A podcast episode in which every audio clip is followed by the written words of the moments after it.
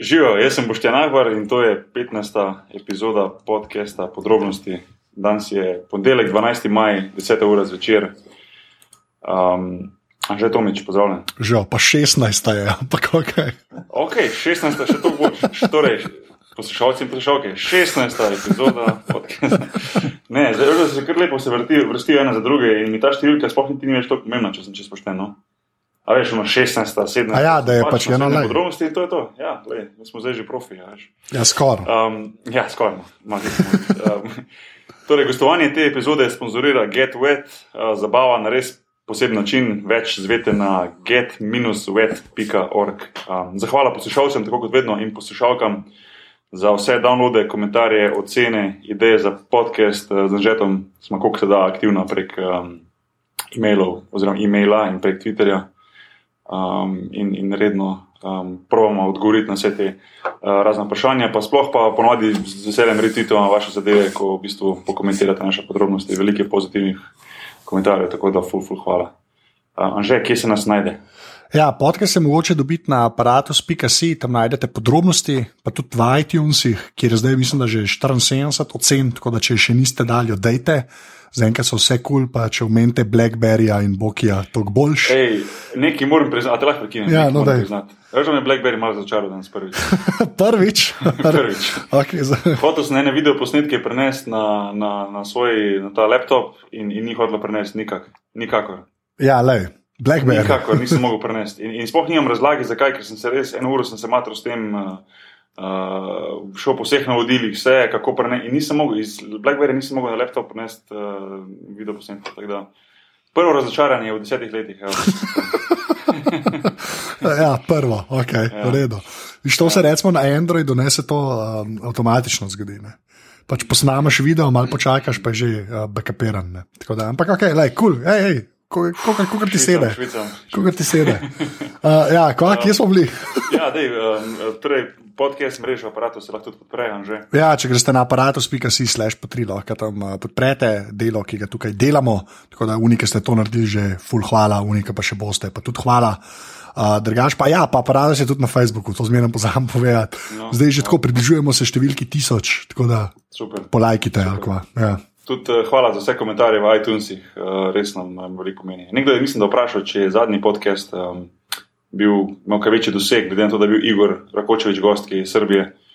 Ma ne vem, mi se zdi, da je, bilo, da je bil ful, ful dobro odziv in uh, nasploh Igor je tako ime, kot že tako sam po sebi pretegne, če ne drugega, pa košarkarske fene. Tako da uh, tisti, ki niste poslušali zadnjega podcasta, 15. epizode, um, pejte poslušati, ker med drugim Igor razlaga, kako je v gozdu severno od Istanbula tekel pred steklimi psi. ja, če noč drugega zaradi tega se splača. že zaradi poslušati. tega se splača poslušati. Ja, to je res. Ja. Um, napoved današnjega gosta uh, z nami je magister Marko Štepec, um, zgodovinar. Dobro večer. Um, dobro večer. Um, pa da naredimo uraden del, tako kot vedno, da rečemo, ker zdaj Anže štarti zadevo.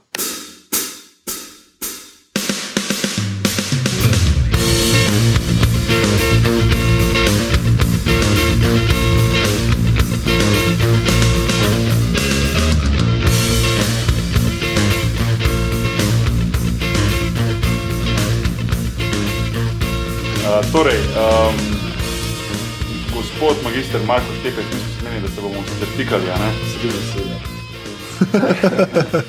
Mislim, da je dobro, da pa se, kar, lahko da se krtikamo. Ja. Ja, ja. Nekamo pa z, z magistri in z gospodi in tako naprej. Marko, tako Marko, kot že pa ja. poštjan, trije, Ja. trije so se zbrali skupaj, da se malo pogovorijo. Super. Um, ja, torej, zgodovinar zaposlen v Muzeju novejše zgodovine Slovenije v Ljubljani. Um, Marko upravlja delo kustosa in muze muzejskega svetovalca. Svojo poklicno pot pa je posvetil raziskovanju Prve svetovne vojne uh, in je med drugim tudi scenarist dokumentarne serije Slovenci in Prva svetovna vojna. Jaz sem si uspel uh, skoraj vse dele pogledati, žal vseh nisem utegnil. Um, na RTV Sloveniji je bil ta dokumentarc in je res uh, bil res, res, res vredno gledati. Tako da uh, jaz upam, da se ga bo dal tudi dobiti slejko prej nekako na netu ali na, na kakšen drugi način, uh, kaj se res pača pogledati. Mar se kaj se naučiš iz, te- iz ogleda tega dokumentarca.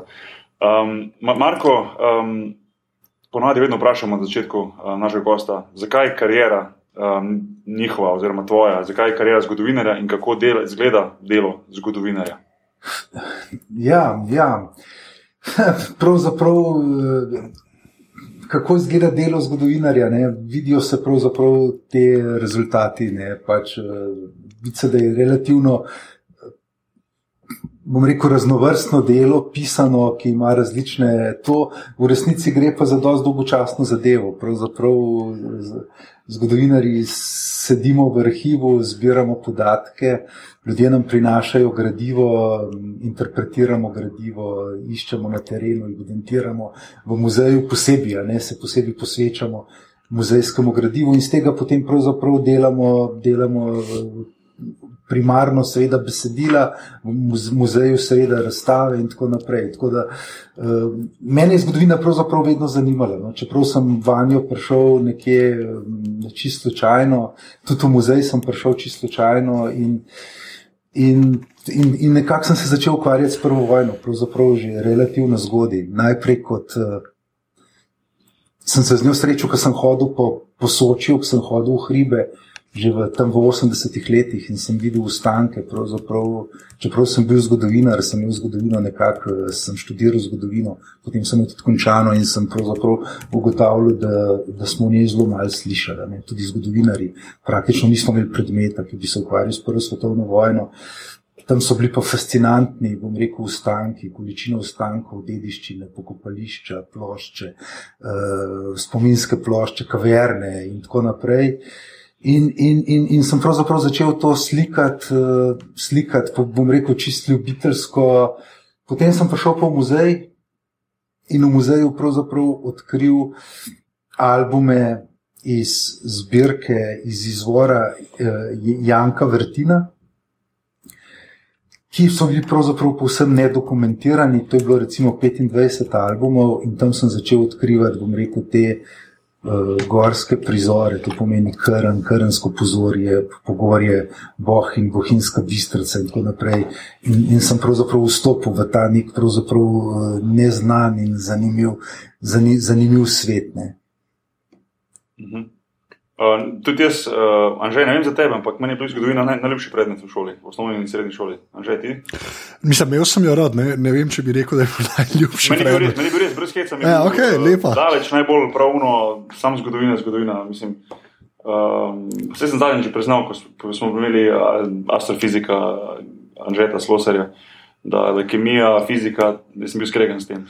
zgodovina pa, zgodovina pa, pa zaljubljen. Um, uh, tako da sem si vedno predstavljal, vedno me je zanimalo, no, kako izgleda delo zgodovine. Zdaj, Uh, Marko sam Ja. je rekel, da je to precej dolgočasno, tako da No, meni, no, meni no, zdaj- zdaj, zdaj- sem, sem, sem vesel, da sem košarkaš in ne zgodovinar.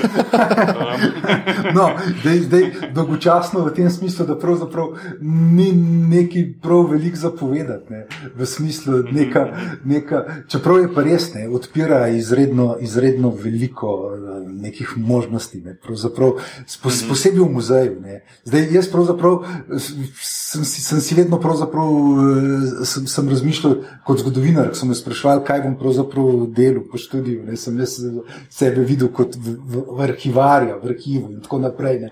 Danes pa pravzaprav po tej zdaj že kar dolgoletni izkušnji z muzejskim delom, sem pa pravzaprav vesel, da sem v muzeju, zelo vesel, da sem v muzeju, ravno zaradi tega, ker muzej stoji na križišču tega, ne. na križišču namreč česa, na eni strani tega klasičnega zgodovinarskega dela z zgodovinskimi viri, ki pomeni sedenje v arhivu, raziskovanje bom rekel, dokumentov, interpretacija dokumentov. Na drugi strani seveda se pa vse čas muzeji ukvarjajo s tem, da imajo določeno funkcijo v skupnosti, da, da pravzaprav to, te znanstvene raziskave potem popularizirajo. Da jih pravzaprav predstavljajo javnosti, kar pomeni, da so na nekem križišču med znanostjo, šolstvom, kulturo in, in tako naprej. In kar je posebej seveda zanimivo, še nekaj je pravzaprav specifika muzejskega poklica. Ne. To, da se pravzaprav mi ukvarjamo s predmeti. Ne. Muzeji, za razliko od arhivov, ki hranijo dokumente, hranijo predmete. In imamo potem ta neposreden stik z materialnim ostankom preteklosti, ki potem pravzaprav omogoča neko, bom rekel, interpretacijo preteklosti, omogoča pravzaprav vedenje. In seveda omogoča to, da pravzaprav vse te različne, različne metode zgodovinarjevega dela, različne, raz, vse te različne, kar pravzaprav zgodovinarski poklic predstavlja, pravzaprav združuje v neko, v neko, v neko, v neko celoto. No. To Je, in, in, in tukaj postane pravzaprav zadeva razborljiva. Ne. Mi dobimo pravzaprav. Recimo, če dam primer, nek, nek droben predmet, neko tobačnico, zaprašeno in tako naprej, na prvi pogled ne pomembno, potem pa začnemo na tej tobačnici odkrivati drobne napise, letnice, jo damo restaurirati.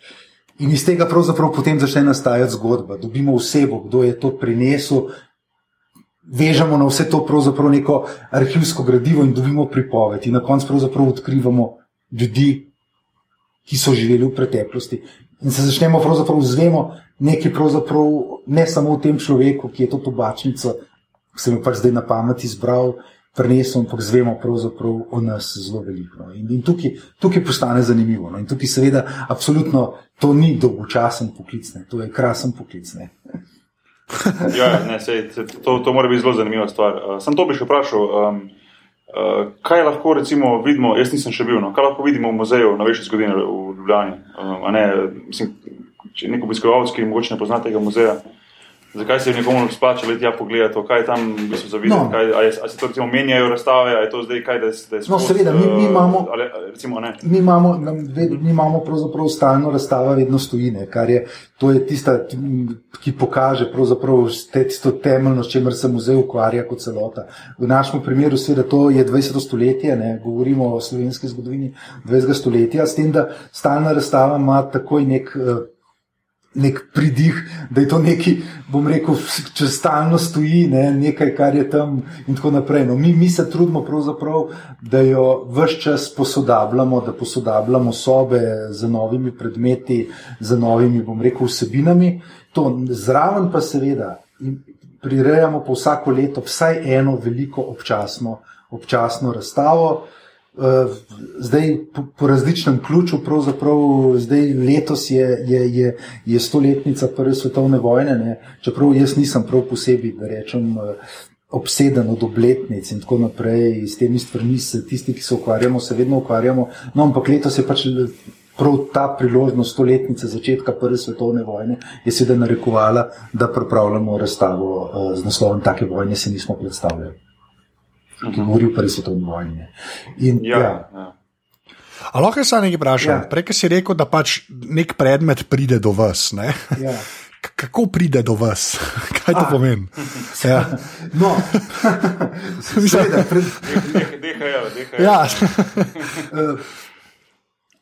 Mi pravzaprav muzej ima neko, neko zdaj če rečem, zelo birokratsko, ne, ima neko zbiralno politiko. Ne, pač v skladu s tem, z nekim dogovorom, kaj posamezni muzeji zbirajo, da se ne pokrivamo med seboj preveč. Imamo neko, neko, neko, neko, nek načrt, bom rekel, poslanstvo zbiralne politike.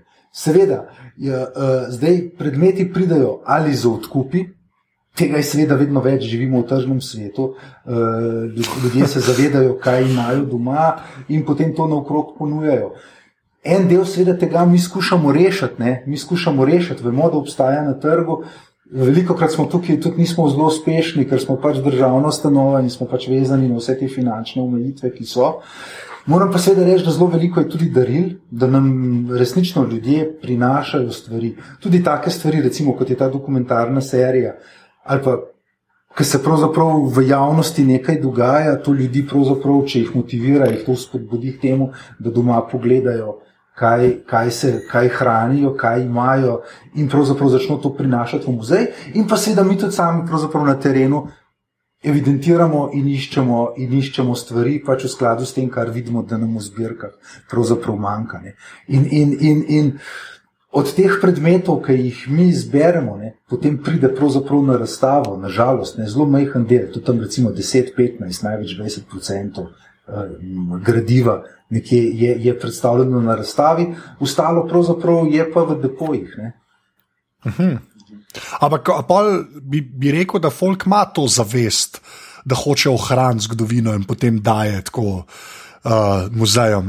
Prej si rekel, da je zdaj ta tržno, da je tržni svet, pa da eni bi radi sam prodali. No, Ampak, sigurno, ne, a, sigurno, sigurno. Mi, mi seveda primarno gledamo na dediščino. Ne. Mi gledamo na, ja, to, mi, mi gledamo na dediščino, mi skušamo tukaj biti pravzaprav fera, ne, da mi tle uh, pač. Uh, Jasno, če, če nekdo pač prodaja dediščino in če je to, če je to pomembno, ne, da ima pomen, jo mi, mi, mi skušamo reševati. Uh, moram pa reči, seveda, da, da se zelo veliko ljudi se zaveda. Ne. Se zaveda ne samo to, da to, kar ima, da je vredno, da ima nek pomen za spoznavanje zgodovine, ne na zadnje, tudi za neko za neko skupno preteklost, neko identiteto in tako naprej. Ampak se, tudi, se, se, se pravzaprav tudi zaveda, da je dobro, da se te stvari ne uničijo iz vseh teh razlogov in jih zato tudi v bistvu marsikdo sam rad prenese v muzej. Ne. V bistvu reče, zdaj jaz morda vem, kaj je to, mogoče moji zanamci ne bojo vedeli.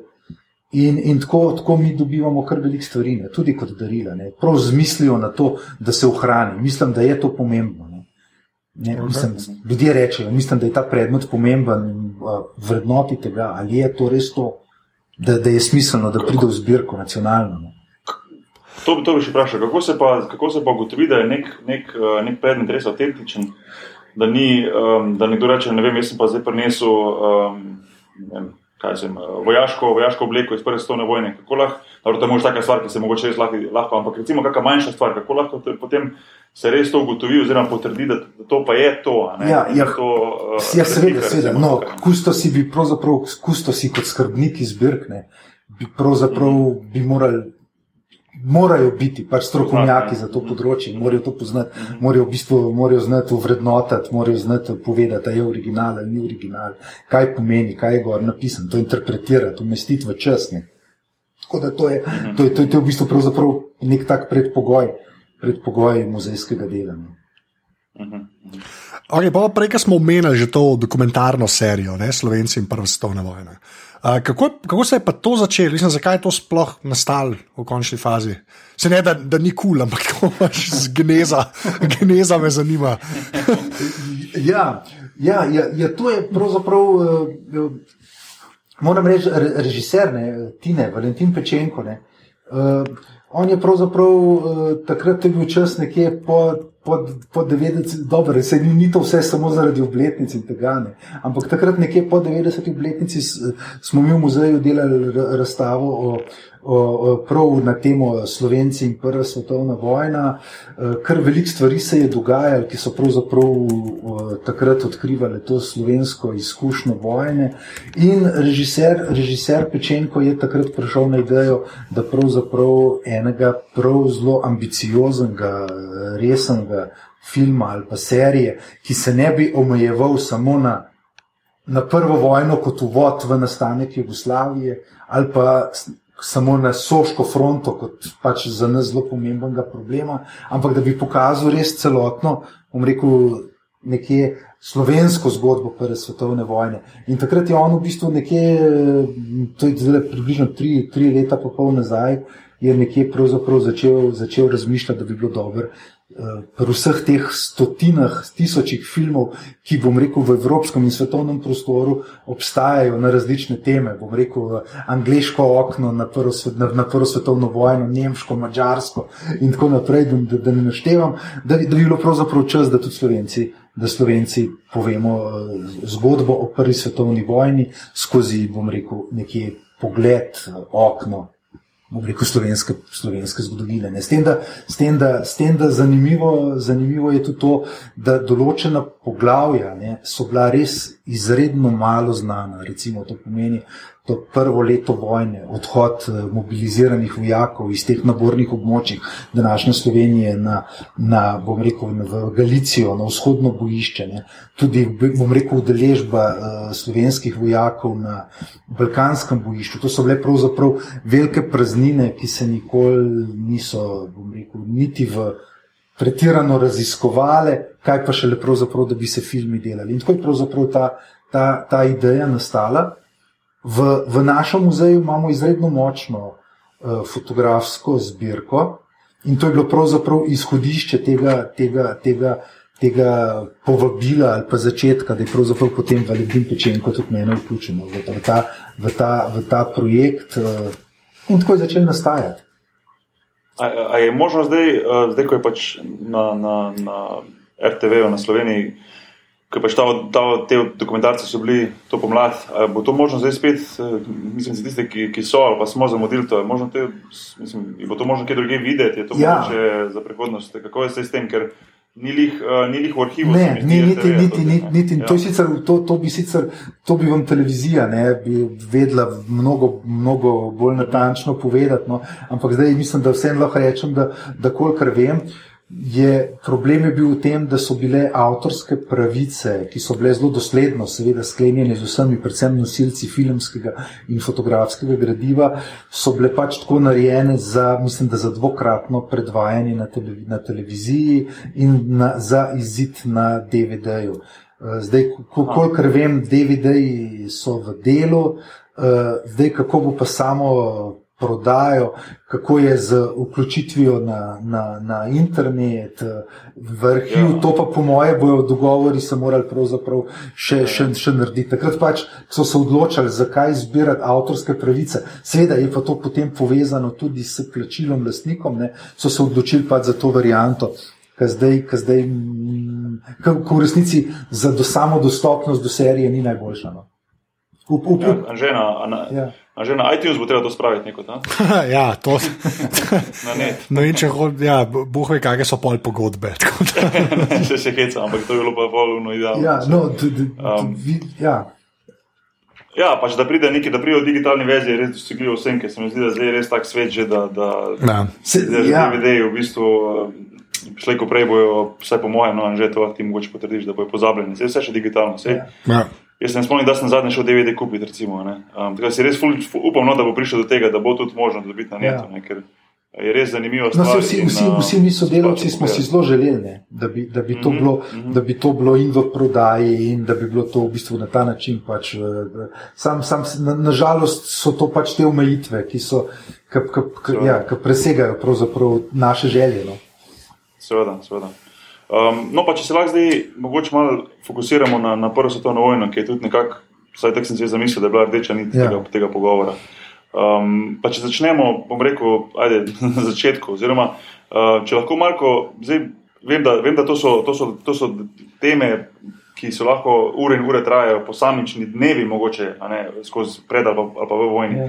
Lahko bi porabili ure in ure govoriti o tem, ampak vseeno imamo recimo to uro na razpolago. Uh, pa bom prvo vprašal, recimo, kako bi lahko opisal čas oziroma stanje v Evropi pred, pred prstom vojno. Recimo, v kakem času je bila, v kakem, v kakem obdobju je takrat bila Evropa. Um, Ja. in, in da recimo do, do atentata recimo v Sarajevo. Ne, recimo, kakšna je bila takrat situacija v Evropi, kakšni so bili te uh, rekel, politične premike in tako naprej, da je Ja. potem to vodilo vse naprej, korak za korakom, da so potem v končni vrsti začelo pa- padati domine. Ja, v resnici, če, če, če, če, če, če zelo tako poenostavim, je pravzaprav pred Prvo svetovno vojno eh, bila tako Evropa na robu pravzaprav vrhunca nekih napetosti, celo na, na vrhuncu, na robu nekega spopada. Ne. Govorim recimo v, v, v krizi v Afriki, v zvezi z tako imenovana Maroška kriza, kriza v balkanskem prostoru, v zvezi z avstro-ogrsko aneksijo Bosne. Tako da na nek način so bile napetosti zelo močne. Ne. To je bil nekje svet, kjer je pravzaprav industrijski razvoj v 19. stoletju nekje dosegel enega svojih vrhuncev. Posledično to pomeni, da so pravzaprav vse države, nekje te močne države med seboj tekmovale za trge, za surovinska ozemlja in tako naprej. Uh, kar pomeni, da so v skladu s tem tudi napetosti naraščale. Na drugi strani, seveda, če pogledamo državo, v kateri smo živeli, ne, Avst v Avstralsko, je bil tam razvoj relativno počasen. Ne. Počasen, bila je država, ki je bila, bom rekel, relativno stabilna, kljub vsem notranjim napetosti, ki so se tam povzročale, bom rekel, nacionalni konflikti, socialne razlike in, in, in, in te stvari. Razvoj je bil počasen, kljub temu, seveda, je bil tudi v, v, v malce zakasnel, seveda, ampak kljub temu je razvoj pomembno, pomembno vodil v smer bom rekel, modernizacije, govorim v Avstralski. In, in tukaj, recimo v tem času, ne, če, če, če grem zdaj na slovence, takrat živeli v deželah, Krajinska, Štajerska, Koroška, Primorska, ne, Goriška, Gradiščanska. Ne, uh, živeli v teh deželah, so pravzaprav to občutili. Ne. Na eni strani se je videl, da čas ni več naklonjen monarhijam. To se je pokazalo tudi potem, da pred Prvo svetovno vojno ne, je že, že recimo Habsburška monarhija, Franc Jožef kot oče narodov in tako naprej, njegova družina je doživljala mnoge udarce. Ne. Njegov brat v Mehiki je ubit, ne. Uh, konec stoletja atentat na njegovo ženo, Sisi. In tako naprej. Kaže, da pravzaprav čas ni bil več pretirano naklonjen monarhijam. V tem zunanjem političnem so napetosti, so napetosti naraščale. Uh, spopad, bom rekel, ta konflikt je šel v tem, da so pravzaprav mlada država, recimo kot je Italija, ne, v 60-ih letih pravzaprav nastane kot država. Nemčija v 70-ih letih pod Bismarckom združena, ne, nastane nastane, bom rekel, močna država z močno in, in, industrijo in tako naprej. In pa Avstralska, ki je zaradi teh razlogov, ki sem jih omenil, pravzaprav malo zamudniška. In tukaj se pravzaprav ustvarjajo pravzaprav neka trenja. Avstralska kompenzira to svoje zamudništvo s tem, da skuša nadomestiti uh, umikajoči Osmanski imperij in njegovo vlogo v balkanskem prostoru. Nemčija sega bom rekel, proti Bližnjemu vzhodu, proti, proti, proti, tudi proti Afriki. Ne. Italija, podobno ima ambiciozne načrte. Ne. To seveda stare sile, Velika Britanija, ne. Rusija, ki se v 19. stoletju širi proti vzhodu, praktično proti daljnemu vzhodu, tako nekje na tiho, mi za oči javnosti. Ne? In to, potem, in to potem, bom rekel, počasi narašča v to konfliktno situacijo, ki potem, ki potem doseže nekje vrhunec za začetkom, za začetkom vojne. Sarajevski atentat tukaj je pravzaprav samo en, en, en, en, en, en droben povod. Ne? En droben povod, ki danes gleda kot tisti ključni dogodek ne? in ne vem, kako pomembna zadeva. Ne? Ampak v zgodovini pač čeja ni in tega, kaj bi bilo, če bi bilo ni. Ne. Dejstvo je, da sarajevski atentati so, so avstro-ogrski krogi po, po svetu z Nemci, ki so celo malce potem po vojni, po letu 1918, ko se je iskalo krivca za vojno. Avstro-ogrska je seveda razpadla, krivca se je potem iskal predvsem v Nemčiji in potem so v bistvu seveda predvsem poudarjali to nemško vlogo. No, dejstvo je, da so Nemci bili celo malce previdni in zadržani, bali so se v vojne na dveh frontah, pravzaprav. Eh, dali so pa seveda potem neke vrste seveda podporo Avstro-Ogrski, ki je pa seveda mislila, da bo ta vojna proti Srbiji, seveda, da bo to tako kratka vojna, s katero bo praktično Avstro-Ogrska vse te svoje lokalne cilje zelo preprosto, zelo preprosto uresničila. In, in tukaj smo, ne? in tukaj smo prišli v, ja, ja, v, ja. v, v Juli 14. Mhm. Um, Anže, imaš ti ali vprašam jaz? Dide, kar da je. Ne, uh, jaz sem to rekel, no, uh, glede tega sarajevskega atentata. No, um, jaz, jaz tudi, mislim, v šoli so takrat zmeni način, to jaz, jaz se tega najbolj spomnim. In, in zdaj, ko malo več v bistvu berem, pa, pa, pa konec koncev tudi poslušam tuje podcaste o prvi svetovni vojni, nekako ti res odpre oči, da ni bil to res glavni in edini povod v vojno. Se normalno, da ne. Ampak uh, in, in prav Marko si zdaj tudi ti to nekako potrdil, da to je pa samo eno vrsti od uh, incidentov, ki so se zgodili pred to vojno. Yes. Um, ampak, vseeno, ampak vseeno, recimo, če zdaj pogledamo ta atentat Gavila Principa na, na prestolnaslednika Franca Ferdinanda, se pravi na prestolnaslednika Avstralske. Um, sam za trenutek bi se ustavil tu, pa sem vprašal, recimo, kako, kako se zdaj gleda na ta atentat. Oziroma, ali sem zadnjič bral en zanimiv članek, da v bistvu različni narodi, sploh normalno na Balkanu, pa, pa recimo v tej regiji, zelo različno gledajo na ta atentat. Oziroma, je to bil, a ne, um, normalno tu zdaj. Ja. Uh, je, kaj je bil, pravi, kaj je bil, je bil to pravi motiv, je bilo to v bistvu um, pravi motiv. Ja. Veš, kaj mislim povedati? Je bil to motiv, ki je upravičen, ali je to v bistvu za zdaj čas bilo nekaj, kar se ne bi smelo zgoditi. Uh, ne vem, no. ena stran zagovarja eno tezo, druga drugo. Kako je zdaj nekako z tvojega vidika, um, če, zdaj, ko se potegne črta, kako se gleda ta incident oziroma ta atentat? No, to, to je bil močan dogodek. Ne. V tistem trenutku uh, je bil močan dogodek.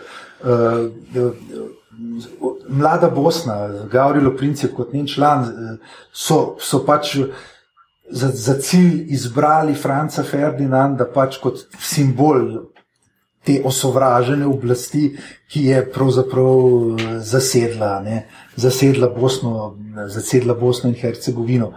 Ja, Franc, Fra, Franc Ferdinand naj bi bil eh, domnevno bolj naklonjen, seveda, slovanom, ne, kar danes vemo, da ne drži. Ne. Ena, ena, ena teza, seveda, ki, ki je argumentacijo v tem našla, je. je, je Je videla potrditev, je pač razmišljala, on je bil resnično uh, uh, poročen za Sofijo Hojenberg-Hote, ki je bila slovanskega rodu. Ne. Je pa ta njegova domnevna naklonjenost izvira iz tega, da, da je pač on videl kot glavnega nasprotnika v države, državne enotnosti, avstro-ogrske enotnosti, pravzaprav v ogrskem plemstvu, ne, v, ogrskem, v ogrskem nacionalizmu, in je seveda želel slovane uporabljati kot neke vrste jeziček na tehnici, v smislu, da bi pač uh, odstranil, bom rekel, to. Ogrsko nevarnost. Ne. E, tako da je v bistvu jih uporabljal kot neke vrste, neke vrste, neke vrste e, protipol, da rečem, premočni, premočnim ogrskim težnjam po, po samostojnosti. Uh, tako da to, tuk, tukaj se pravzaprav njegova naklonjenost slovanom neha. Ne. Tukaj, tukaj on ni imel, ni imel, ni imel, ni imel kaj, se ni kaj bistveno razlikoval. Je pa zanimivo to, ne, da on je bil eden prvih Habsburžanov, ki se je. Se je bom rekel, poročil iz ljubezni, če, če, če, če rečem tako. In je pravzaprav zelo rad uh, vse te razne manifestacije in tako naprej izkoristil za to, da se je pokazal svoji ženi. Ker zaradi tega, ker seveda ni dobil pristanka za poroko od strani Franca Jožefa.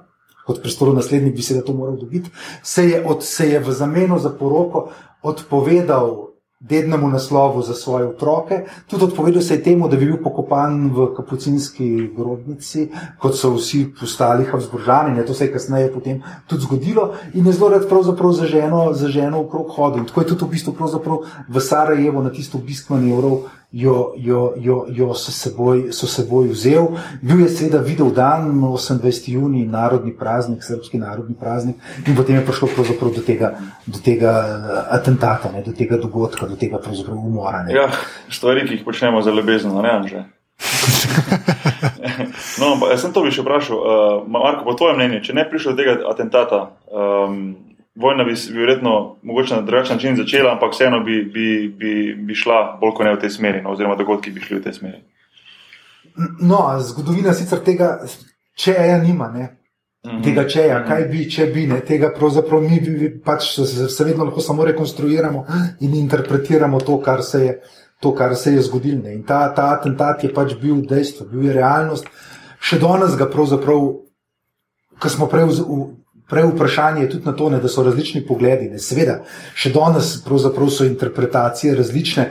Jasno, eh, po prvi svetovni vojni ne, je Avstralska postala, bom rekel, propagandi nove države, predvsem sovražena ječa narodov. Ne. Eh, vojska je bila poražena, vojaki so se vrnili v novo državo in tako naprej. Ne. In seveda, atentatorji so tukaj, so, so tukaj dobivali na na, na, na slovesu, ne, kot nasprotniki, kot opozicija, kot tisti, ki so pravzaprav uh, uh, izvedeli nek, bom rekel, simbolni akt ne, proti tej državi, uh, ki pa seveda ni bil simbolni, to se je pa pozabilne, da je šlo pravzaprav vsem za, za, za umor človeka, njegove žene, ki je bila noseča in se te elemente pozabili. Seveda, Bosna in Hercegovina sta bila nacionalno mešana. Mešana, je še vedno nacionalno mešana, in pravzaprav se je tudi tam, bom rekel, gledalo na interpretirali ta dogodek, gledali na atentatorje ali pa na narodne heroje.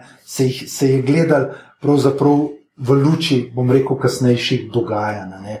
V luči kasnejših dogajanj. In, in, in tako seveda te interpretacije pravzaprav še danes, še danes grejo. Torej, še danes lahko sledimo to od, od narodnega heroja, da rečem, do borca za svobodo proti sovraženju oblasti, do pravzaprav zločinca in terorista. Tu, tu smo.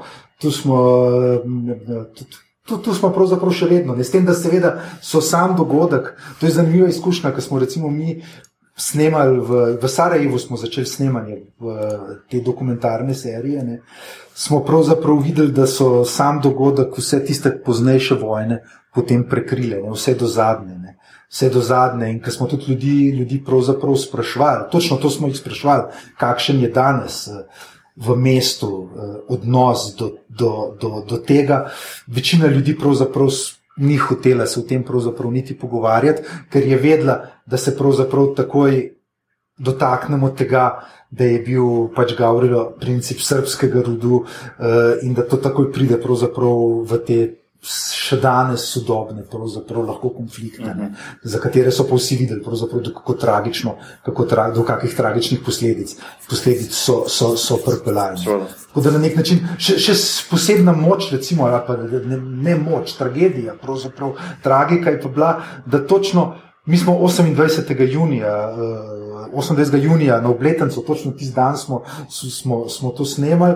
Je pa prejšnji dan, ko smo prišli v Sarajevo, je, je bil atentat. Je bil atentat, namreč nekdo je na neko policijsko postajo vrgel bombo, mislim, da je prišlo do smrtne žrtve. Tako da je bilo pravzaprav v časopisih. Vi pa ne krivi, ne dužni, da drugi dan sprašujete. Neka, neka, neka, neka, neka morast, neko morasto vzdušje, s tem, da če zraven umenem še pravzaprav, da, da v resnici resnici nobenega posnetka mesta. Mi smo, mi smo želeli dobiti ta, ta da rečem, skupni prostor, vtis secesijske arhitekture od Krakova do Sarajeva. Ko pogledamo, bom rekel, v Sarajevo, vidimo pravzaprav tako na eno smer, kot bi pogledali po Miklošičevi cesti, na, na drugi strani so to lepoto, baš čaršije. In, ampak, ker smo mi to hot, hoteli snemati, se praktično sploh nismo mogli izogniti vsem grobovom in pokopališčem, ki pravzaprav iz te zadnje vojne zadnje vojne uh, stojijo, stoj, stoj, so prav, kjer so pravzaprav ljudje pokopani iz te zadnje vojne. Neko, uh, mogoče smo, smo morda še bolj občutili za to ta simbolni pomen tega sarajevskega atentata za 20. stoletje. Za, za vse to bom rekel tragično, tragično plat 20. stoletja, ki se pravzaprav začne s prvo vojno. Ne. Ja, ja. To, kako pa gre, pol, kako grejo pa pol zadeve naprej? Pa se atentat zgodi, pa avstralska misel, da bo lahko v Srbiji tako dva tedna, pa bo vsega konc, pa pač ni tako. Rusija, Rusija leta 1908 ob, ob zasedbi, vemo, da Rusija je imela, je imela takrat, govorimo o letu 1908, takrat je imela Rusija za sabo je eh, to vojno z Japonsko, kjer se ni prav zelo dobro odnesla. Doživela je pravzaprav v tisti pomorski bitki poraz in tako naprej. Ne? In, in Rusija leta 1908 ni reagirala tako, da bi izvedla mobilizacijo in, in, in, in vse te postopke, ki jih je potem leta 14, in je to prevaralo. To je prevaralo Avstralsko, da lahko pravzaprav neke to vrstne dejanja, ki jezijo srpske zaveznike, kar ponavljajo. Ne. Leta, seveda, ker se je zgodil atentat, je v monarhiji, tudi tukaj, če rečemo v slovenskih državah, je, je pravzaprav zavladal ogorčenje. Ne? Ljudje so bili ogorčeni, to je bil v bistvu umor prestora naslednika. In, in uh, po, po mestih so, so bile črne zastave, tako je pravzaprav neko morasto vzdušje, ki se ga sodobniki spominjali, uh, se razširili po deželi, tako so se seveda razširili tudi hujskaški govori, vojna propaganda oziroma propaganda teh krogov, ki so pravzaprav začeli pripravljati teren za obračun.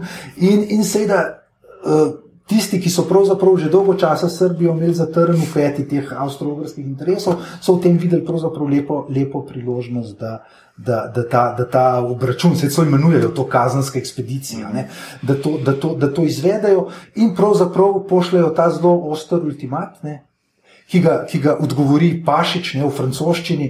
In ta ultimat je pravzaprav spretno napisan v želji, da bi se Srbija izognila vojni. Ker po balkanskih vojnah je Srbija izide kot neke vrste uh, moralna zmagovalka in tako naprej, v resnici si pa še na eno vojno uh, ni pripravljena, posebej ne na vojno z 52 milijonsko. Uh, 52 milijonsko avstro-ogrsko monarhijo, ne, si ne želi zato pravzaprav na vse točke tega ostrega ultimata uh, uh, uh, jih sprejme, razen seveda na tiste, ki jih prepozna kot direktno, direktno ogrožanje ozemeljske. Vzemeljske suverenosti ali pa pravzaprav celo ustavnega reda. Ne. To pomeni to, da bi, da bi v bistvu Avstrija-Ogrska res sama krivca neposredno poiskala na, na, na tleh, in pa seveda, da bi se prepovedala vsa ta uh, proti avstro-ogrska, avstro-ogrska propaganda, ki v Srbiji seveda realno obstaja. In, in, in, in, in to je bilo seveda zadost. Zadost, da potem v bistvu pride do, do, do tega, da se ultimat zavrne in seveda Avstrija-Ogrska odgovori, najprej se odpravnika poslov odpokliče, potem seveda uh, napove vojno, napove vojno napoved. In tukaj se, poveda, se, se pa potem zgodi to, kar se ni pričakovalo. Ni se pričakovalo, namreč zgodi se to, da se potem praktično po Evropi razširi plas vojnih, vojnih napovedi. Ne Srbija izpolniti svoje dogovore, uh, oziroma Rusija izpolniti svoje dogovore s Srbijo, to pa seveda potem pri Nemčiji sproži strah pred. Pred, pred vojno na dveh frontah. No, ampak, Namreč, no, če lahko lah ja. nekinem, kot sem jaz v bistvu razumel tudi iz svojega pač, uh, raziskovanja, da rečem temu, um, je tudi v bistvu Nemčija se nekaj čim pripravljala na vojno že, že v tem času. Ne?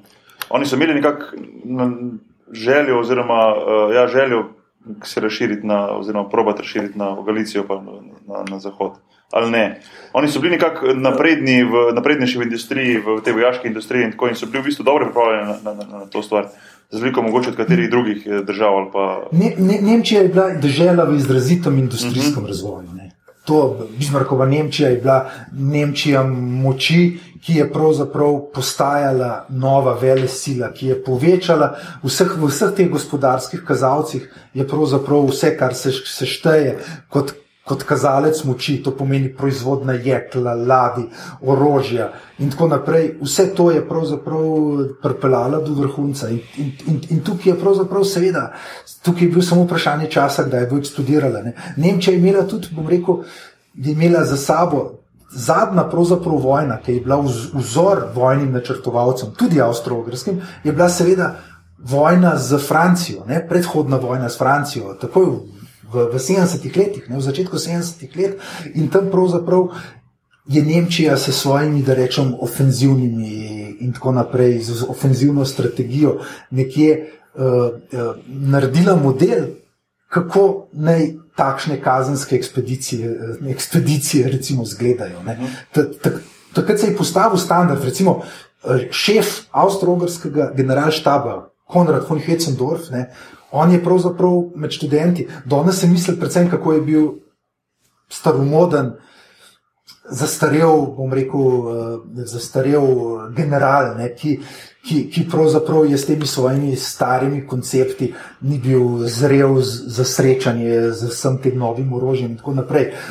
V resnici je on v svojem času veljal za sodobnega, med študenti, kadeti, ne, je, bil, je bil priljubljen in, je, in bil je, veljal je za izrednega poznavalca ravno te, te francosko-nemške vojne, katere značilnost je pravzaprav bila ofenziva, nemška ofenziva. In on je pravzaprav imel tezo, da kar, ne, kar ofenzivno ne napreduje, kar se ustavi, kar se ukople. Ne? To je zanimivo, ne? kar se ukople, da pravzaprav to že zgublja in propada. Ne? Mhm. In od tukaj potem, bom rekel, ta, ta njegov ofenzivni. Ne? Rekel, ki je potem tako neslavno ne propadel, pa prinesel toliko smrtnih žrtev. -hmm. In no, v glavnem, če Nemčija, seveda, Nemčija je, je izgrajevala vse te, vse te načrte, želela je imeti nek nov prostor pod soncem, želela je pravzaprav v, v njihovem pogledu, ne, ali pa zelo realno, dobiti neko novo pravičnejšo razdelitev sveta. Ne. Zdaj govorim, da sem povzel, da rečem to kolonialno govorico. Ja, ker oni niso imeli, oni niso imeli, mislim, pravi, Ne, ne, so imeli ne. zelo malo, pa nič, ne. On, oni so imeli mo- mo- mogočno proizvodno, ne, nimajo pa v bistvu niti trgov, ne, kjer jih omejuje konkurenca, nimajo pravzaprav niti teh surovinskih baz. ne. In, in tukaj, seveda, oni tukaj seveda to pozorno gledajo, kako bi se v to vključili. ne. S tem, da seveda so pa previdni ne, v njihovem strateškem načrtu, to je tak, tako imenovan šlifnov načrt, Ja, ja, to je pravzaprav. Je pravzaprav To, kako, kako, kako se izogniti vojni na dveh frontah. In njihov načrt je preprost. Ne? Oni podcenjujejo Rusijo, oni mislijo, da Rusija je staromodna država, bo, bo pravzaprav eh, mobilizacija počasna. Ne? V resnici se zgodi ruska mobilizacija v 14 dneh do 3 tednih, kar je bilo fascinantno. Seveda grejo proti sodobnejši Franciji. Ne? In seveda, s tem, ko grejo proti Franciji, prekršijo zemeljsko celovitost, ne, proti vse, praktično do, do, do Atlantika, in potem, seveda, danes zgodovinopisje, ne, bom rekel, govori, in potem Angli, An, Velika Britanija izpolni svoje obveze ne, do zaveznice, mislim na Belgijo. Ne. Zdaj, mi danes predvsem vemo, da nočna mora za Veliko Britanijo je bila, ko so Nemci pravzaprav prišli do Atlantika. Ne. To je bil direktno direktno njihov, njihov ogrožen, bom rekel, njihov ta interes velike pomorske sile. In seveda so bili iz tega pravzaprav eh, so morali reagirati. Ne. In to potem se zgodi, da potem, ko še Velika Britanija eh, se vključi v vojno, praktično e- e- Evropa je v vojni. Ne. In tega pravzaprav noben ni pričakoval. Govorimo o času, to, torej od 28. julija je poletje, politika, diplomati, ministri se počasi odpravljajo na počitnice in tako naprej. ne. In, in, in, in, in, in, in, potem, se, in potem se zgodi, bom rekel, ta, ta, ta kot, kot izgleda lokalni zaplet, ki bo imel pravzaprav, je mal zoperen in tako naprej, ne, ne pa da bo praktično. eh, Da bo pa cela Evropa za, za, za, za nekaj let v bistvu ob- obvisela v jarkih streskih. No, pa se zdaj, gledaj, ki smo pri jarkih, pa to. Ne? Ja. Kako je pa bilo s tehnologijo? Ne? Zdaj, če so Nemci pač ok, saj imeli to proizvodno, ne? kako je pa pol ta, a veš, kaj pa zmeraj, ko so vojne, tehnologija nevrjetno napreduje. Ne? Kako je pa to v prvi svetovni vojni? A se tudi vidi ta premik pri vseh, mislim pa ne zdaj samo pri bojnih strojih, mogoče še pri čemu drugmu. Ne? Ampak je kle isto, se vidi tak skok ali Jaz, jaz, kako jaz je sem, če nekaj bi rekel, jaz sem v bistvu opazil, uh, da, da sem videl nekem, tu sem prebral, oziroma videl en posnetek, da na začetku vojne um, so bili Nemci normalno um, pač zelo dobro opremljeni, zelo dobro pripravljeni na, to, na ta rekel, pohod prek Belgije v Francijo. Uh, ampak francozi so pa, vsaj tako sem videl na enem članku, da so bili še, so imeli še stare napoleonske uniforme, ko so imeli zgoraj, ne vem, zgoraj um, um, modre plašč, pa spodaj rdeče hlače. In je pisalo prav spodaj, da so bili easy targets, oziroma lahke tarče, glede na to, kako so bili vidni. Ne? Ker so imeli tisti star način boskovanja, ko so prišli v ravni vrsti na polje, a veš tako. Uh, in potem se je pa nekako ta tehnologija, da je to zelo presilila že v način bojevanja, da se zelo, da se, da se totalno spremenilo. ne. Um, lahko malo povezavi Ja. s tem, ne? se pravi, nova tehnologija, Ja. pa, pa No. način bojevanja, ne? kako se je spremenil. Ja.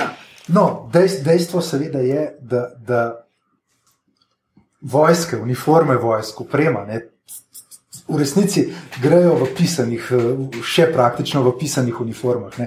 Tudi recimo konjenica Avstro-Ogrska ima tiste povsem, bom rekel, skoraj nekoristne, eh, nekoristne eh, čelade, eh, srebrni, zlati gumbi in tako naprej. In, in, in, in, to, in to seveda potem med, med v, sama izkušnja vojne prenese, da začnejo te uniforme postajati vedno bolj blatne, vedno bolj sivo-zelene in, in tako naprej. Ne. Dobimo te bojne. Bojne, bojne, bojne uniforme. Ne.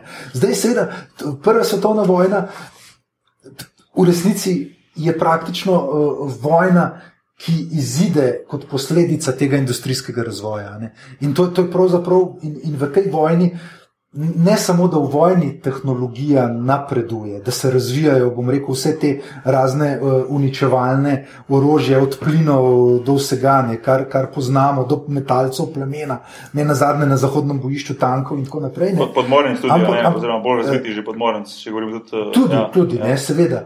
In, in, ampak, seveda, že, že začetek vojne pravzaprav prinese, ne, prinese da, da, da rečem, spremembe v eksploziv, v polnjenju, bom rekel, topniškega ognja, ne, bom rekel, v, v, v, v, v, velik razvoj na področju. eh, na področju topništva, na področju, bom rekel, samega eksploziva, na drugi strani pa seveda predvsem strojnico. Ne. Ker zdaj, kukorkoli, bom rekel, plini zastrašuje, imajo ta še danes tisti močen vpliv, tistega res tistega najbolj zavrženega, uničujočega, neciviliziranega. Ne, in, in kolikor pravzaprav. Govorimo o uporabi letal in vsega, danes pravzaprav vemo, da še vedno glavno orožje v, v, v, v vojske, vseh vojska, tudi med Prvo svetovno vojno, je pravzaprav puška. Ne? Puška in bajonet, še vedno bajonet, v avstralskem primeru puška Manlicher M1895. Ne, tako da še vedno je, je, je, je šokantno, je to, da se v prvi vojni torej uporabi vse, vsa najsodobnejša tehnologija, na drugi strani pa vemo, da v strelskih rovih se pa potem uporabljajo še vedno tudi najbolj primitivna orožja, kot so recimo, rekel, gorjače, nabrušene lopatke, eh, eh, buzdovani eh, in tako naprej. Ho, ho, hočem reči, da ta eh, grozljivo je pravzaprav oboje. Ne? Torej, in ta vojna v dobi industrijskega množičnega uničevanja, kot vojna. Bom rekel, v tistem svojemu najbolj primarnem, barbarskem, ki je prva vojna, še vedno, ne, oziroma poudarjeno. Uh, Ja, seveda, se pa tehnologija seveda razvija. Ne. Razvija tudi v času vojne. Celotno, ne, ta, celoten gospodarski sistem so, so podrejeni vojski. Ne. Mi govorimo, recimo za Avstralijo, govorimo o vojnem gospodarstvu. Uh, o, v bistvu celotna civilna sfera je, je, je podrejena vojski, in, in tukaj je, je morda ena od novosti Prve svetovne vojne, v primerjavi z ostalimi vojnami, da, da resnično izvede totalno mobilizacijo prebivalstva. Ali je, to, ali je to mobilizacija delovne sile, ali je to, ali je to mobilizacija, seveda, vojakov, ne, obveznikov. In, in, in v bistvu, ja. Ne, jaz, jaz sem samo hotel zdaj, uh, ko smo bili govorili, ko si ja. strojnico prej omenil, Marko, sem videl zadnjič ja. sliko, ja. že bo še dal, no, dal link. Gor. To, to sem pozabil no, reči. Ja. Tista, tista, tista rušilna moč, ne, ki pravzaprav pehoto dobesedno spravi v strelske rove, neki pravzaprav ta ofenzivni. Recimo, to se je zgodilo v Galiciji. Mi, mi vojno, bom rekel, še danes širša javnost vojno gleda in razume po modelu dobro raziskane zahodnega bojišča. Ne? Ampak recimo leta 14, govorimo avgusta 14, ko gre tretji korpus z vsemi temi vojaki iz teh naših območij, ki pridajo v Galicijo, tam ni nobenih strelskih rovov. Tam je samo pravzaprav še vedno koncept, da je častno iti na nasprotnika pogumno, v, bom rekel, v dobesedno, v, v Jurišu, ne, greš na njega, na, na, na, na Poljani.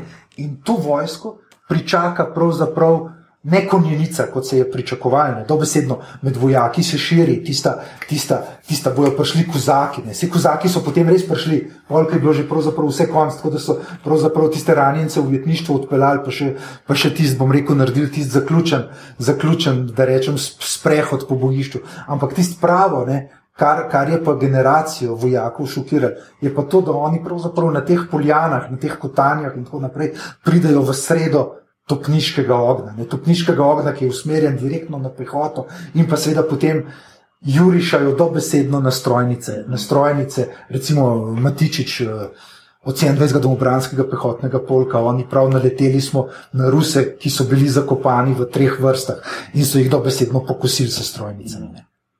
In, in to je tisto, to je tisto, to je tisto.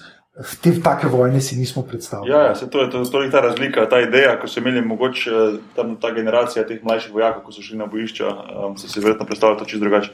Um, nekdo je omenil, tudi ko sem jaz to, to poslušal, da pač, so imeli predstavo, da bodo prišli nazaj kot junaki, da tako junaško, v bistvu tako skoraj romantičen opis bojišč, v glavi so imeli tako romantičen predstavo teh, teh bojev, uh, zgodilo se je pa jih čez neki totalno, totalno drugačnega ja. z vsemi temi jarki, v katerih so ostali po več, nekateri tudi po več mesecev, tudi leta. Vem, ja. let. Ja, ja, te, te, te, te, te izkušnje v resnici ni bilo. Mm -hmm. te, te izkušnje v, o vojnah so, v, v, če rečemo za avstralski primer, ne, v vojnah so detke očetje pripovedovali, to so bile bitke, bitke v, v, v, za, za ta. Solferino in tako naprej, ne bitke za, za, za združevanje Italije, ne, ki so bile usmerjene proti Habsburžanom, kljub temu, da so, da so te bitke zahtevale kar nekaj smrtnih žrtev, ne, tudi med temi, med vojaki iz teh slovenskih nabornih območij. Ne. Samo vseeno časovno so bile to, so bile to časovno omejene količina vojakov je bila pravzaprav tudi omejena prostorsko na bojno polje, in ti vojaki so se potem res vračali in te svoje pripovedi prepovedovali, in tako naprej. Ne. In tako je bilo v bistvu v zavesti, recimo Božič je bila tista meja, ki prideš domov, uh, ovenčan z odlikovanji ne, in potem si v bistvu. Prideš nazaj kot heroj. Ne.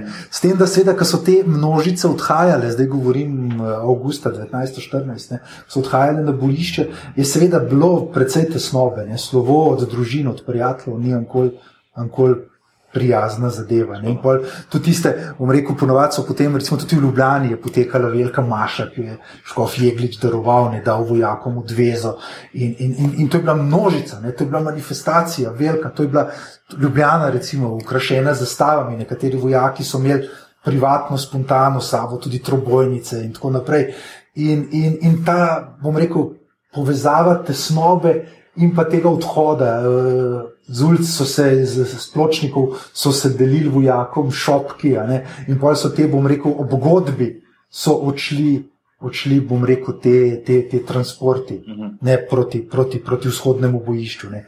No, se, se, Marko, se zdaj si že omenil, malo ja. to je moje naslednje vprašanje, recimo vloga ja. uh, oziroma ta pomembnost slovencev med, med to prvo svetovno vojno. Uh, pa jaz, jaz vem, uh, da bi si to zaslužilo posebej eno posebno temo oziroma poseben podcast, oddajo, kakorkoli že. Uh, uh, samo o tem, ampak vseeno, če lahko mogoče malo mal na tako mal skrajšani obliki, recimo ta, ta pomembnost in pa predvsem ta vloga slovencev, um, zdaj si že omenil pač odhod na, na, na, na, na ta bojišča, uh, če lahko to malo strneš. Od začetka pa recimo, da povzameš potem do konca vojne. Um, um, Ja, ne, ker, ker Slovenija je igrala, kljub svoje majhnosti, zelo, zelo pomemben faktor v tej vojni. Ne. No, tako bom rekel. Ne, Avstralska je bila pač večnarodna monarhija, ne? preprosto. In tukaj se slovenci pravzaprav niso pretirano uh, razlikovali ne? od celotne monarhije. Uh, tudi nimajo neke zelo pomembne vloge. Pač sodijo pod tretji korpus s sedežem v Gracu in so ob začetku vojne pač poslani na, na, na, na, na, vzhodno bojišče. To v tem prvem valu, to recimo pomeni približno 30 tisoč vojakov. Uh, le dva bataljona, pa potem še dva bataljona črnovojnikov, pravzaprav grejo na, so poslani na Balkansko bojišče proti Srbiji. Eh, Sveda, treba je reči, da zdaj, kar rečemo, eh, kar zdaj veliko se našteva samo te polke, govori se o slovenskih polkih in tako naprej. Tukaj je treba seveda poudariti, da, da, da avstro-ogrski eh, štab, avstro-ogrsko poveljstvo je bilo resnično nacionalno slepo. Ne. Oni se niti slučajno niso želeli uh, ustanavljati nikakršnih nacionalnih enot. Ne. Nasprotno, tega so se, so se celo balne in tako naprej. Ampak problem je bil v tem, da, da upravičeno zgodovinari govorimo danes, da o slovenskih polkih ali pa o mačarskih polkih, o hrvaških polkih. Tako naprej, zaradi tega, ker je bil na, način nabora bil teritorijalen in je pač eh, mobilizacijska polk odražal strukturo mobilizacijskega mesta. No, in seveda grejo, grejo na, na, na vzhodno bojišče, tam doživijo to, kar sem omenil, potem se pa leta 1915 vojna začne na, rekel, na tej jugozahodni meji. Avstralske z italijanskim napadom, maja 15, in potem začnejo najprej iz zaledja pohodne bataljone pošiljati v posočje iz tudi slovenskih nabornih območij, potem pa seveda iz, iz Galicije. Ne?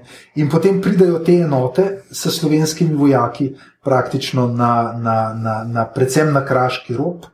Dober dob, ne, to je tudi ta mitski, dober dob slovenskih fantov, grob. Ne.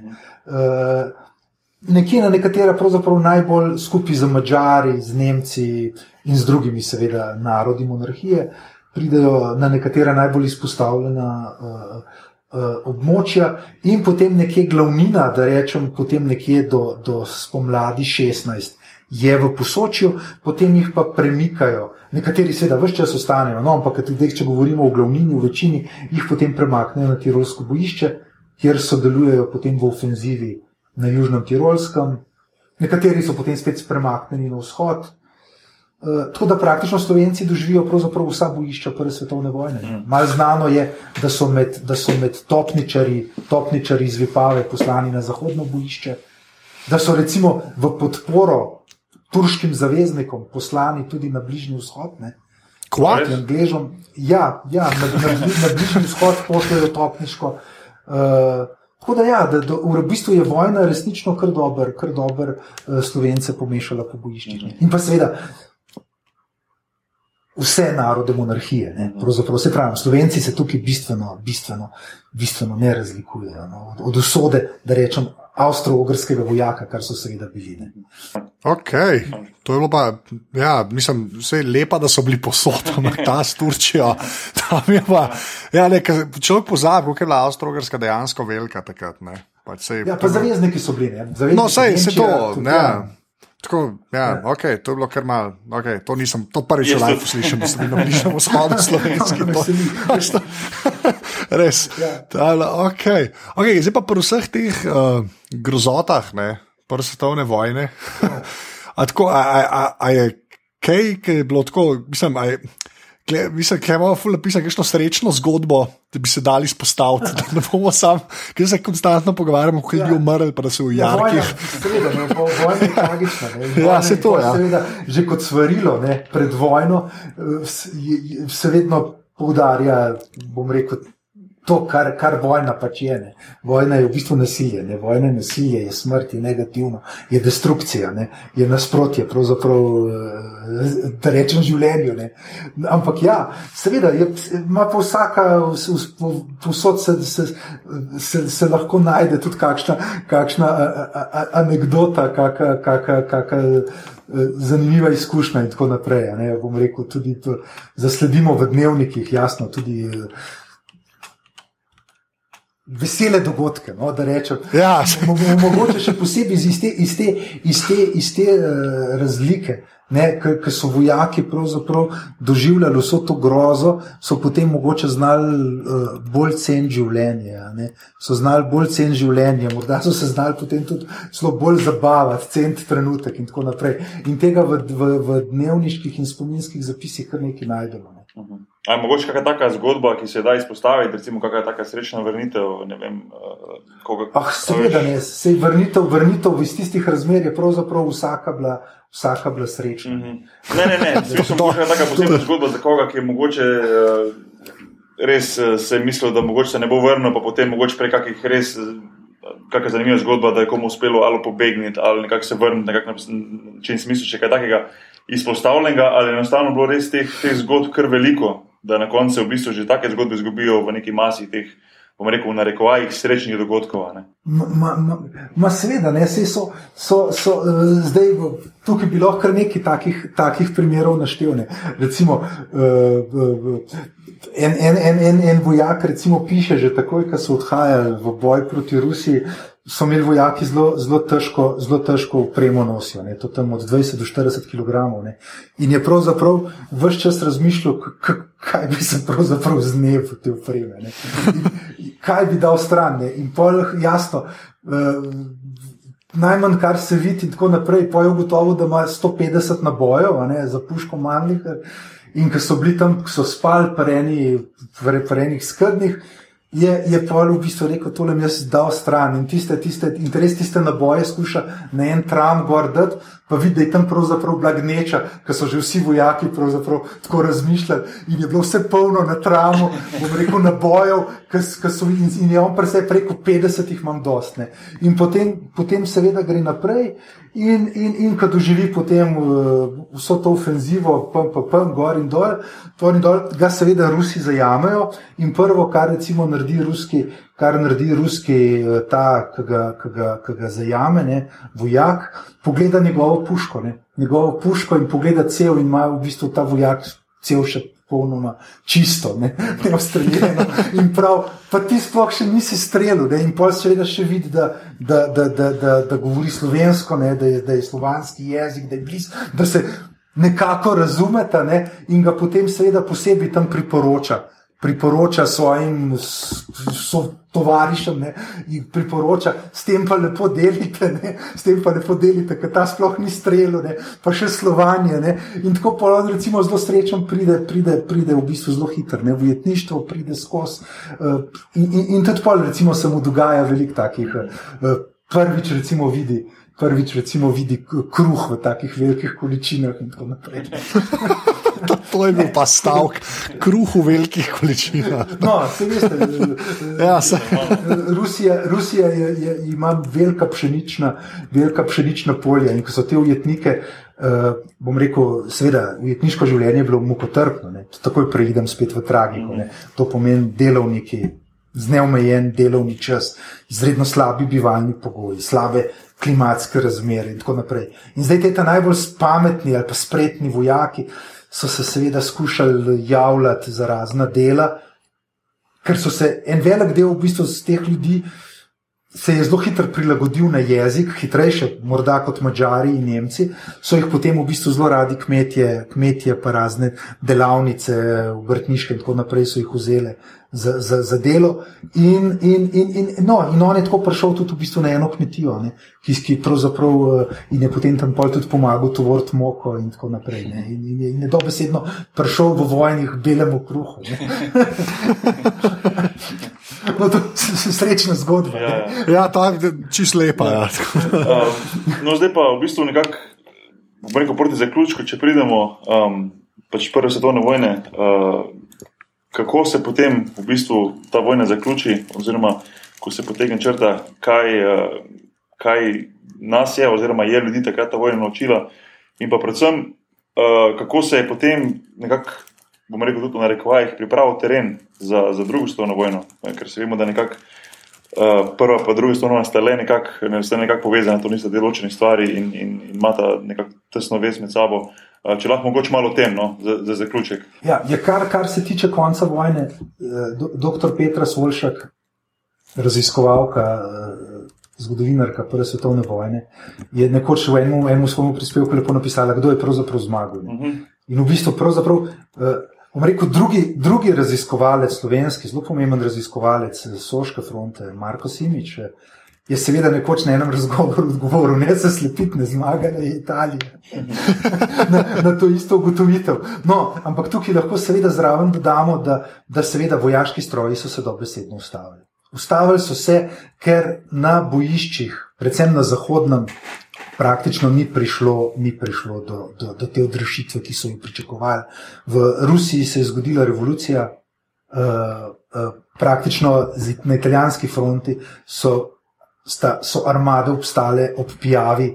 Praktično do tiste zadnje italijanske ofenzive, potem, ko se je začela točno na dan preboja pri Kobaridu, na obletnico, eno leto, je praktično uh, se že borila proti armadi države, ki je razpadala in praktično je vojska, vojska razpadala. Če, če tako malo poenostavljeno rečem, nekateri italijanski vojaki so prej prišli pravzaprav do Trsta, kot so se avstrogrski vojaki. Uh, uspeli vračati. Ne. Kar pomeni, da, je, kar pomeni, da dobesedno stroji, so se, vojaški stroji so se zaradi izčrpanosti dobesedno izsta- us- ustavili.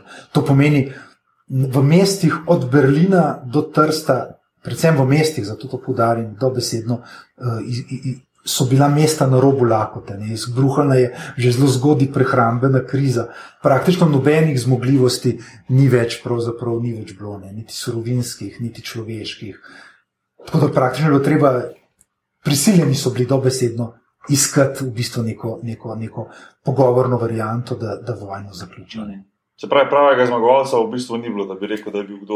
Uh, No, z, z, z, zmagala je seveda, zmagala je seveda Antanta, ne? zmagala, zmagala je seveda Antanta in takoj seveda potem z temi pogoji, poražencem, to pomeni Avstro-Ogrski, Nemčiji, predvsem Nemčiji, ker Avstro-Ogrska je, Avstro je razpadla. Uh, s temi pogoji je pravzaprav uh, uh, povsem pozabila, da kljub vsemu, da je Avstro-Ogrska bila tista, ki je prva napovedala vojno, ki je sprožila ta spopad, je, je pravzaprav pozabila, da je vojna bila vsem, bom rekel, se je dogajala malce razpršeno. ne. Sama, sam, da je pravzaprav nihče prav pretirano ni ustavljal in da je pravzaprav marsikaj jo generiralo vse čas.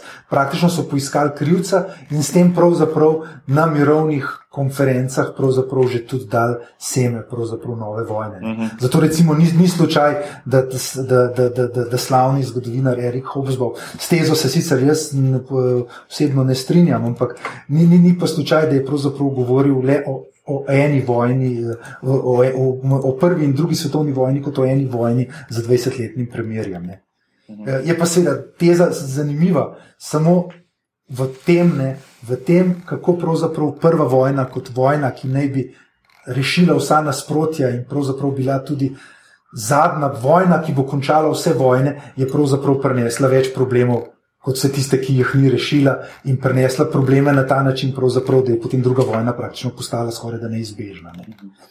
Ne, s, tem, s tem mislim na vse, na celo te, bom rekel, na, na, ob razpadu vseh teh cesarstv se praktično nove, nove meje postavijo, ki pravzaprav ne upoštevajo teh osnovnih načel, recimo, ki so bile tudi dane, to pomeni načelo narodne samoodločbe. Ne. Po- Ponovno spet prevlada tisto tradicionalno kolonialistično kupčkanje, preprost interesi. Ne. Zdaj, zato je bilo posebej tukaj, za prostor, v katerem živimo, ne, je bilo posebej boleče, ne, ker, ker, ker iz, iz stare avstro-ogrske meje so pravzaprav It- italijani prišli praktično do, do rapalske meje, kjer se niso nič ozirali na želje, na želje prebivalcev.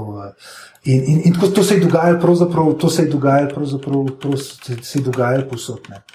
In, in, in, in več damo pa na to, na to še izkušnjo vseh teh mobiliziranih vojakov, ne, cele generacije, ki so pravzaprav svoj pogled na svet oblikovali v strelskih rovih. Ne. Pa pravzaprav vidimo, da to je bila ena množica nezadovoljnih ljudi, ki so pravzaprav začeli v civilno življenje prenašati te vojaške, militantne eh, modele, ki so pravzaprav bili polni ali jeze na stari svet, ali pa pravzaprav polni enega hrepenenja po nekem novem svetu. In iz vsega tega pravzaprav so potem nastala vsa ta avtoritarna gibanja, ki so pa ne nazadnje spet pripeljala, do druge svetovne vojne. ne. No, vse to je pa pol mogoče že tema za, za, za kako drugo, drugo ali pa za drug podcast.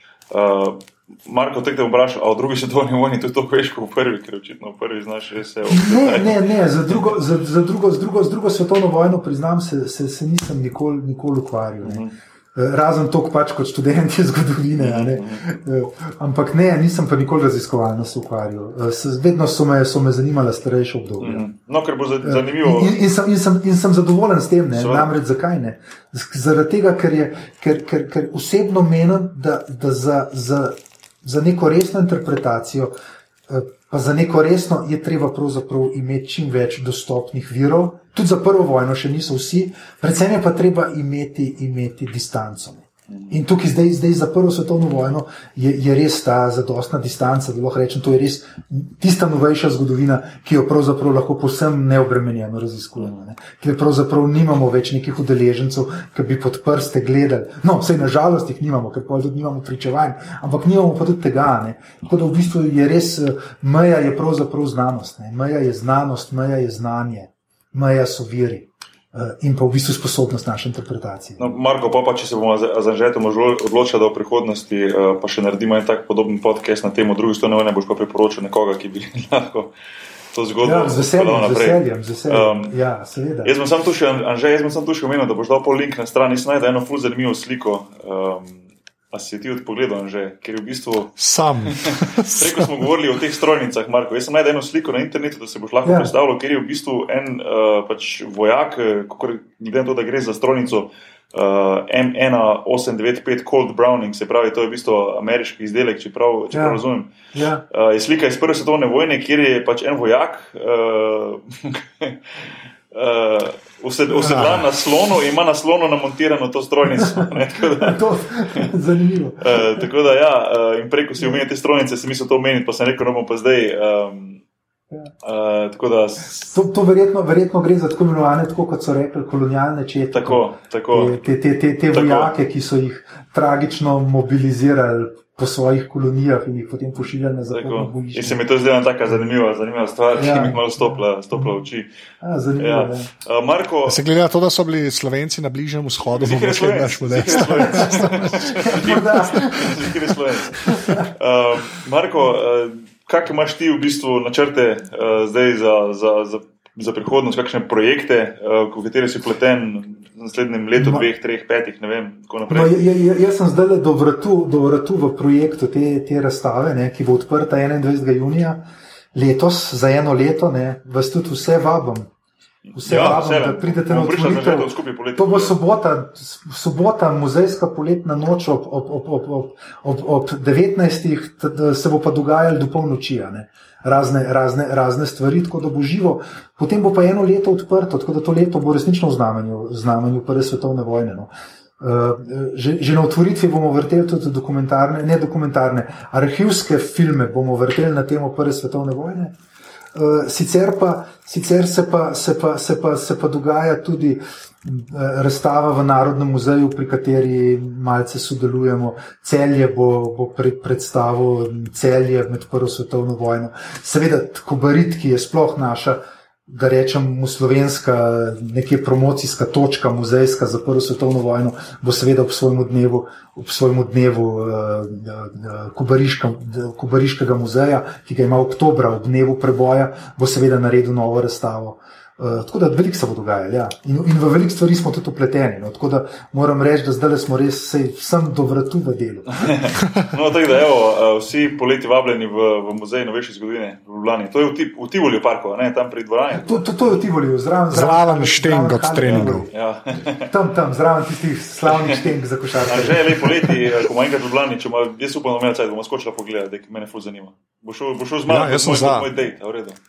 V redu, v redu. To se, to se je čist prav slišalo. Gla- Pa, pa sama dobra igrišča so tam Evo, ukvarjali. pa še nekaj, še Ja, to je res, ja. Grede, vidiš, super. To je res. Ja. Uh, Marko, najlepša hvala, res, to je bilo res, res fantastično. Nekako sem si kar, si kar zadovoljil moj apetit, bom rekel, po, po tej temi. No, um, Prve svetovne vojne, ki je res bil, uh, tako sem rekel že prej, od, od, od, od, kar, od osnovne šole naprej, moj, moj najljubša, najljubši predmet in je bil to uh, res en tak privilegij to poslušati in se pogovarjati. Hvala, fulno. Ja, Ja, na, hvala. na, na, na, naj, najlepša hvala za povabilo, za povabilo in sploh za ta prijazen klepet. Hvala lepa. Anže, um, kaj imamo še tvojih admin zadev za na koncu povedati? Enač, aparatus uh, je mreža podcast oddaj, zdaj jih je šest, uh -huh. uh, še ena prihaja, to zmerno Res, rečem. a- ampak a gre lahko še ena. več izdaš o tem? ali- Ma, ne, ne bom, Okej. okay. dokler ni, a veš, jaz se veš, ko jaz sem Ti ziharaš, jaz sem ziharaš. Okay, cool. To, to, je, to je res. To je res. Okej. Tako da, ja, če greste na aparatus.si, tam najdete vseh šest oddaj, uh, uh, tudi podrobnosti. Podrobnosti so tudi v iTunesih, tako da če ste tam naročeni, bo kakršna koli cena tam ful dobrodošla. Vsem, ja. Uh, je tudi aparatus na Facebooku. Pa, ful hvala vsem, ki ste že podprli to, kar delamo. To pa naredite tako, da greste na aparatus.si/slash podpri, če slučajno niste, vsak evro pro pride, tako da ful hvala. Aha, in si, si zainteresirani za mogoče sponzoriranje te oddaje, a, mogoče kakšna, kakšno mlado podjetje, kakšna dejavnost, ki želite a, dati svoj glas ven na en tak mal drugačen način a, prek podcasta, a, pa lahko pošljete mail na Anže. Kar anzeaf na aparatus.si. Pa je. Um, pa ja, kot vedno, vse vprašanja, komentarji na Twitterju, mailu smo dosegljivi. Uh, ti si an, Ja. ja. Anzet, Tako. Ed Boki Nahbar. Uh, pa tudi, uh, Marko, tudi vaš uh, muzej uh, je na Twitterju in sicer mislim, da je Ed muzej Ja, NZS. je. Tako da dajte spremljati, ker je ogromno enih full, full zanimivih eh, izjav gor, se pravi AFNA muzej NZS. Um, za naprej, za goste, pa tako kot vedno. Uh, Bojo zelo zanimivi, kaj več pa da res ne bom povedal. Mislim, da zdaj še nismo razočarali, oziroma upam, da še nismo razočarali. Tako da, eh, Vsem hvala za poslušanje. Marko, te pa še enkrat, fuli pa hvala, pa lepo zdrav Ljubljano. Ja, Ja. hva- hva- hvala tudi vam. Okay. Okay, zdaj pa reši adijo nekako, adijo. Ajde, živijo, živijo. Ja.